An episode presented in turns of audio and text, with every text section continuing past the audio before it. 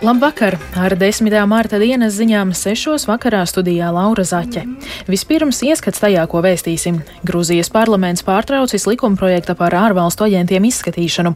Eiropas Savienības valstu tieslietu ministri Briselē spriež par iesaldēto Krievijas līdzekļu konfiskāciju.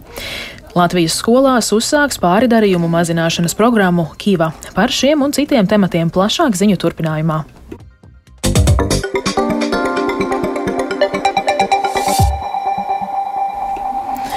Gruzijas parlaments šodien pārtraucis izskatīt likumprojektu par ārvalstu aģentiem. Likumprojekta dēļ šajā nedēļā Tbilisī notika plaši protesti. Opozīcijas partijas kopīgā paziņojumā jau uzsvērušas, ka protesti turpināsies, kamēr netiks sniegtas garantijas, ka Gruzija ir cieši nostājusies uz prorietumnieciskā ceļa. Plašāk par notiekošo Gruzijām stāsta Rihards Plūme. Pie Gruzijas galvaspilsētā Tbilisī esošā parlamenta šorīt bija pulcējušies simtiem cilvēku, un to rokās bija manāmi Gruzijas karogi, svilpes un plakāti Mēs esam Eiropa, un drīz vien laukumu pārņēma gaviles. Tas tādēļ, ka pēc Gruzijas sabiedrības skaidri paustās neapmierinātības pilsētas ielās parlaments šodien nobalsoja, ka neturpinās skatīt asi kritizēto un strīdīgo likumprojektu par ārvalstu aģentiem. Vēl dienu iepriekš parlamenta vairākums, kurā ietilpst partiju Gruzijas sapnis un tautas spēki deputāti, paziņoja, ka Gruzijas parlamentā atsaukts likumprojekts, un prezidente Salome Zurabišvilī apsveica sabiedrību ar pirmo uzvaru. Tā ir vēl rīkšķīmīga tells Es vēlos apsveikt sabiedrību ar pirmo uzvaru. Es atzinīgi vērtēju valdības pareizo lēmumu atsaukt likumu. Šāds lēmums pieņemts, ņemot vērā cilvēku reālo spēku, kas tika demonstrēts Tbilisī ielās. Ar šo vienotību, ja mēs esam demokrātiska nācija, nav iespējams, ka valdība un parlaments demokrātiskā valstī nerēķinās ar tautas gribu un balsi. Nebaidieties! Pret valdību valda neusticēšanās un ir saprotams, kāpēc. Nebaidieties no tā, ko viņi darīs un kādu likumu ieviesīs vai atsauks. Taču nevar apgalvot, ka šī prezidentes pieminētā pirmā uzvara, ne arī šodien izcīnītā uzvara un iekšlietu ministrijas apgalvojums, ka visi aizturētie demonstranti esot atbrīvoti, būtu cilvēkus pārliecinājuši, jo uzticība šai valdībai ir zudusi, ko uzsver arī daudzi eksperti un paši iedzīvotāji. Daudzi tūkstoši cilvēku pēdējās dienās izgāja galvaspilsētas ielās, lai atklāti un stingri paustu neapmierinātību ar valdības tuvināšanos Krievijai un ar vien lielāku lielāku atkāpšanos no eiropeiskā ceļa, un tas varētu turpināties. Arī opozīcija ceturtdien izplatīja kopīgu paziņojumu, kurā apsolīja protestu turpināšanos, kamēr nebūs pārliecinošu garantiju, ka Gruzija cieši nostājusies uz prorietumnieciskā ceļa. Lai gan uz protestiem aicina arī opozīcija, tomēr to virzošais spēks ir pati sabiedrība. Tā uzskata gruzīnu žurnāliste Ketija Tudberīdze. Demonstrāciju virzošais spēks tomēr ir Grūzijas sabiedrība - jaunieši, studenti, aktīvisti, žurnālisti un vienkārši cilvēki, kas vēlas dzīvot demokrātiskā valstī, kas būtu Eiropas Savienības locekle. Tas ir mūsu mērķis un tas ir ierakstīts konstitūcijā, ka valdībai ir jādara viss, lai palīdzētu Grūzijai integrēties Eiroatlantiskajās struktūrās. Tikmēr pašā Krievijā propaganda jau paspējusi izpausties savā stilā, Kremlim norādot, ka aiz pretkrievijas sentimenta un protestiem Gruzijā stāv ārējie spēki, ar to domājot ASV. Šādi viedokļi izskan arī Krievijas televīzijas kanālos, kur tiek minēts arī tas, ka Gruzijā notiekošo varot apturēt bijušo padomju Savienības teritoriju pievienošana Krievijai. Rihards Plūme, Latvijas radio. Iesaldēto Krievijas līdzekļu konfiskācija ir viens no galvenajiem tematiem, ko šodien Briselē apsprieduši Eiropas Savienības valstu tieslietu ministri. Eiropas komisija decembrī rosināja izvairīšanos no sankcijām pievienot Eiropas līmeņa noziegumu sarakstam. Tas atvieglotu oligārhu līdzekļu konfiskāciju. Tomēr jautājumā par Krievijas centrālās bankas aktīviem skaidra risinājuma joprojām nav. Sanāksmes sākumā Eiropas Savienības tieslietu komisārs Didier Reinders atkārtoja, ka Krievijai ir jāatlīdzina Ukraina Ukrainai par nodarītajiem postījumiem. Tomēr, kā tas varētu notikt, joprojām nav skaidrs. Mēs gribam panākt, ka Krievija samaksā par Ukrainas rekonstrukciju un atlīdzina postījumus, ko ir nodarījis tās iebrukums. Tādēļ mēs strādājam pie iespējām Krievijas finanšu līdzekļu konfiskācijas Eiropā. Tādēļ diskusija par situāciju Ukrainā ir ļoti plaša. Gandrīz 3000 Ķīnas Nacionālā tautas kongresa locekļu šodien vienbalsīgi apstiprināja Jī Dziņpinu valsts prezidenta amatā vēl uz pieciem gadiem. Līdz ar to Jī, kuram šis būs jau trešais amata pilnvaru termiņš, kļūs par pirmo valsts vadītāju kopš komunistiskās Ķīnas dibinātāja Mao Dzeduna, kurš amatā pavadīs ilgāk par desmit gadiem. Pirms pieciem gadiem Jī panāca, ka no Ķīnas konstitūcijas izsvītroja punktu, kas pilnvaru laiku prezidenta amatā ierobežoja uz diviem piecu gadu termiņiem. Šo ierobežojumu ierobežojumu ieviesa 1982. gadā, lai nepieļautu, ka valsts vadītāja amatā pārāk ilgu laiku ir viens cilvēks.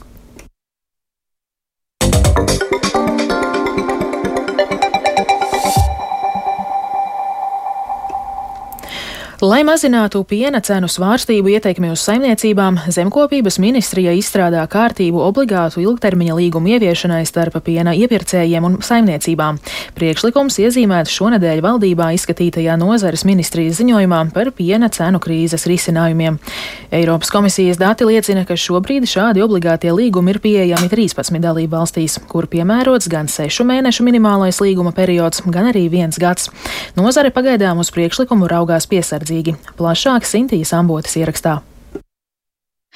Eiropas Savienības normatīvi jau desmit gadus paredz iespēju dalībvalstīm starp piena ražotājiem un pārstrādātājiem noteikt ilgtermiņa līgumus kā obligātus. Valsts varētu noteikt līguma minimālo ilgumu un kādus cenu veidojošus faktorus, bet ne pašu cenu uzsver zemkopības ministrijas tirgus kopējās organizācijas nodaļas vadītāja Dāca Freimane. Regulējums paredz, ka dalībvalsts, ja nolem, ka šāds līgums ir obligāts, tā papildus var noteikt minimālo ilgumu, un šis minimālais ilgums regulā ir noteikts vismaz seši mēneši. Protams, ka dalībvalsts var noteikt arī ilgāku, pētot arī citu valstu pieredzi, un mēs redzam pēc Eiropas komisijas datiem, ka šobrīd ir šādi obligātie līgumi, ir pieejami 13 dalībvalstīm, ir gan piemērots šis seši mēnešu periods, gan arī viens gads. Un tāds labs piemērs ir arī Francija, kur šeit šis minimālais līguma termiņš ir pieci gadi. Zemnieku saimnes pārstāvis aizkrauks novada zemnieku saimniecības veciljāņu saimnieks Juris Sprukuls gan uzskata, ka ilgtermiņa līgumiem jābūt kā ieteikumam no valsts, nevis obligātai prasībai. Es domāju, ka valsts nevar iejaukties biznesā, izstrādājot kādus ministru kabineta noteikumus, kādus līgumus slēgt. Tas ir noteikti labs ieteikums, un uh, mēs uh, arī esam biedri piena loģistikā kooperatīvā. Mēs arī esam šos ilgtermiņu līgumus apsprieduši, jo tas būtu gan prātīgi piena ražotājiem, gan arī pārstrādātājiem, lai nebūtu šīs krīzes situācijas. Protams, ka ilgtermiņu līgumu nebūtu prātīgi slēgt simtprocentīgi ar visu savu produkciju, bet daļu vai lielāko daļu iespējams, kad ir nepieciešams. Piensaimnieku centrālās savienības vadītājs Jānis Šalks norāda, ka pat laban brīvprātīgi ilgtermiņa līgumus ar piena pārstrādātājiem slēdz neliela daļa zemnieku. Viņa prāta ministrijas priekšlikums ir apspriežams, bet pagaidām neskaidrs. Kaut arī mēs, kā Latvija, esam viena no Eiropas Savienības dalību valstīm, arī mums ir pilnīgi cits stāsts piena nozarē, salīdzinot, piemēram, ar Vāciju, Franciju. Nu, tāpēc izskanējušās domas par to, ka, nu, kur ir Eiropas vidējā piena iepirkuma cena, un pēc tās arī skatāmies. Nu, mūsu gadījumā vienā brīdī var būt ļoti par sliktu piena ražotājiem, un citā brīdī pilnīgi pretēji atkal piena pārstrādātājiem. Pārstrāde nekam nepretojas. Un e, mums ir jāvienojas ar gandrīz desmit vadošajām lauksiemnieku organizācijām, lai mēs varētu nu, kaut kādu kopēju viedokli gūt. Zemkopības ministrija pagaidām nav ieplānojusi kādu konkrētu ilgtermiņa līgumu kārtības izveidas termiņu, bet par šo tuvākajā laikā diskutēs ar nozari. Ja nākotnē Latvija šādu kārtību noteiks, tad tiks paredzēts arī kontrolas mehānisms, lai izsekotu, vai abas puses arī slēdz šos ilgtermiņa līgumus. Sinti Ambota, Latvijas radio. Latvijā pāri darījumu un ņirgāšanās jeb bulinga izplatība skolās ir visaugstākā Eiropas Savienības valstu vidū. Tā liecina ekonomiskās sadarbības un attīstības organizācijas dati. Latvijā jau iepriekš bijuši dažādi mēģinājumi, kā problēmu risināt, taču nesekmīgi. Tagad valstī uzsāka īpašu starptautisku pāri darījumu mazināšanas programmu Kiva. Par programmu, kas jau īstenota citās valstīs un no septembra būs mūsu skolās, plašāk Lindas Spundiņas ierakstā. Kiva, for... Programmas nosaukumu Kiva, jeb no somu valodas divu vārdu savienojumu, kas latviski nozīmē pret pārdarījumiem, skaidro programmas autore, Turku Universitātes psiholoģijas profesora Kristīna Selmi Valī no Somijas. Latvijā bulings jeb ņirgāšanās ir liela problēma. Pierādīts, ka bērni un pusauģi, kuri cietuši no bulinga, daudz biežāk piedzīvo dažādus psihiskās veselības traucējumus. Pētījumos konstatēts, ka pārdarījumi veicina priekšlaicīgu mācību pārtraukšanu. Latvijas skolās, salīdzinot ar citām valstīm, ir viens no augstākajiem neataisnoto kavējumu rādītājiem.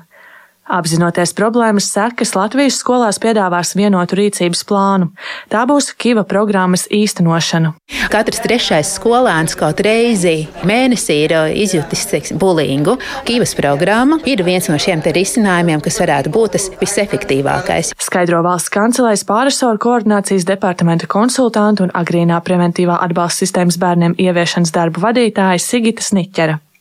Veiksmīgie rezultāti ir iemesls, kāpēc programmu ieviesīs Latvijā. Tā jau rudenī nonāks skolās, bet ne visās. Tiks veikta šī skolu nejaušā atlase. Skola atlase notiksies tagad aprīlī, un pēc tam arī būs pirmā aptauja, kurā faktiski tiks vērtēta situācija, kāda tā ir skolās. Tā būs pieejama visām skolas vecuma grupām visos reģionos. Kiva programma radīta pirms teju 20 gadiem un veiksmīgi īstenot jau vairāk nekā 20 valstīs. Tā ir pierādījumos balstīta pieeja, lai apzinātu un novērstu bulingu. Turpina programmas autore profesore Kristīna Salmivālī. Uh, Programmai ir dažādas versijas atkarībā no vecuma grupām, atšķirīgas versijas mācību stundām, kā arī dažādas versijas tiešsaistes spēlēm un citiem materiāliem. Gadu gaitā mēs esam veikuši jaunus pētījumus, saņēmuši atsauksmes. Pirms pāris gadiem mēs uzlabojām programmu. Uz jautājumu, kāpēc tikai tagad šo programmu ieviešam, izglītības un zinātnes ministra Anna Čakš no jaunās vienotības nespēja rast atbildi. To, cik šī programma valstī izmaksāja, nevarot atklāt, norādīja valsts kancelējā. Linda Spundiņa, Latvijas radio.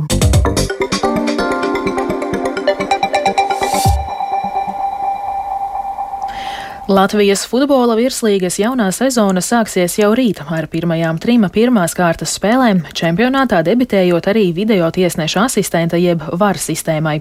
Pirmajā kārtā šo sistēmu izmantos Salaspils Supernovas un Ķekavas Audas savstarpējā mačā. Vairāk par to, kā darbosies šī sistēma, stāsta viens no pašmāju labākajiem futbola tiesnešiem un VAR projekta vadītājs Andris Reimanis varam no sezonas sākuma apkalpot vienu spēli kārtā. Tātad kārtā mums ir piecas spēles, un viena no tām izmantojot VR sistēmu. To noteiks arī tātad federācijas pārstāvji, tiesnešu daļas pārstāvji, arī sadarbībā ar federācijas vadību. Tīri tehniski tas ir minibus izskatā aprīkots ar, ar visu nepieciešamo aparatūru. Tātad tas ir mobils transporta līdzeklis, un mēs faktiski varam piebraukt jebkurā spēļu norises vietā. Futbola federācija ir noslēgusi noslēgusi šādu īres pakalpojumu līgumu. Un uh, līgums mums paredz arī to, ka mēs šo spēļu skaitu varam audzēt līdz divām spēlēm kārtā.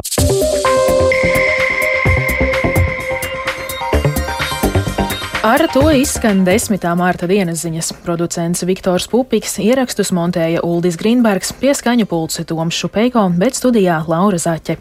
Īsumā par svarīgāko Gruzijas parlaments pārtraucis likuma projekta par ārvalstu aģentiem izskatīšanu. Eiropas Savienības valstu tieslietu ministri Briselē spriež par iesaldēto Krievijas līdzekļu konfiskāciju. Un vēl par laikapstākļiem. Yeah. Gaisa temperatūra Rīgā šobrīd ir mīnus 2 grādi un pūš dienvidu austrumu vējš 4 m2. Atmosfēras spiediens 755 mm, bet relatīvais gaisa mitrums 32%. Plašāk par turpmāk gaidāmajiem laikapstākļiem pastāstīs Toms Brīcis. Brīvdienās būs daudz nokrišņu, sestdienas sniegs, neliels putenis, bet latgalē arī lietus un atkal ceļi kļūs ļoti slideni. Gaisa temperatūra sestdien latgalē, Sēlijā un vidzemes austrumos pakāpsies līdz plus 1, plus 4 grādiem, citviet 0,3 grādi.